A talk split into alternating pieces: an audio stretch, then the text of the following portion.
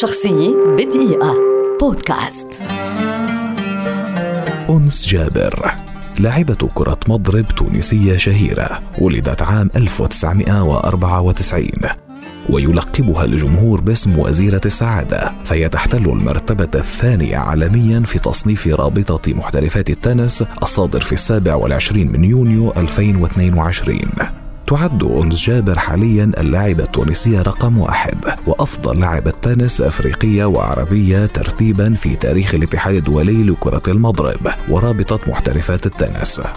تعرفت أنس جابر إلى رياضة التنس للمرة الأولى في سن الثالثة من خلال والدتها. وصلت إلى نهائيين فرديين للناشئين في دورة فرنسا المفتوحة عامي 2010 و2011 وفازت باللقب في 2011 وكانت أول لاعبة عربية تفوز بلقب فردي Grand Slam للناشئين.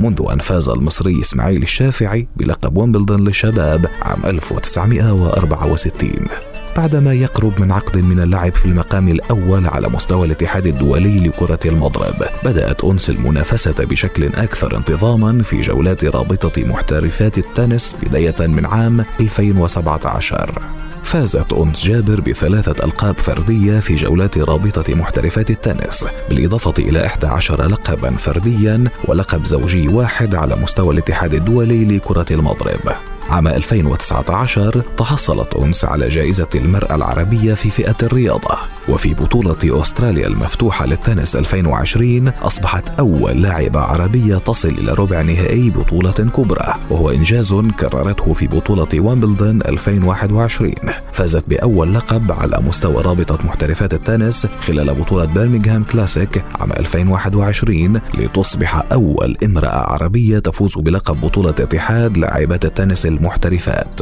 ثم فازت في أكبر لقب لها في مدريد للماسترز 2022 وهو حدث نقطة ألف. لتصبح أول لاعبة أفريقية وعربية تفوز بلقب على هذا المستوى وتصل إلى النهائي بهذا المستوى. شخصية بدقيقة.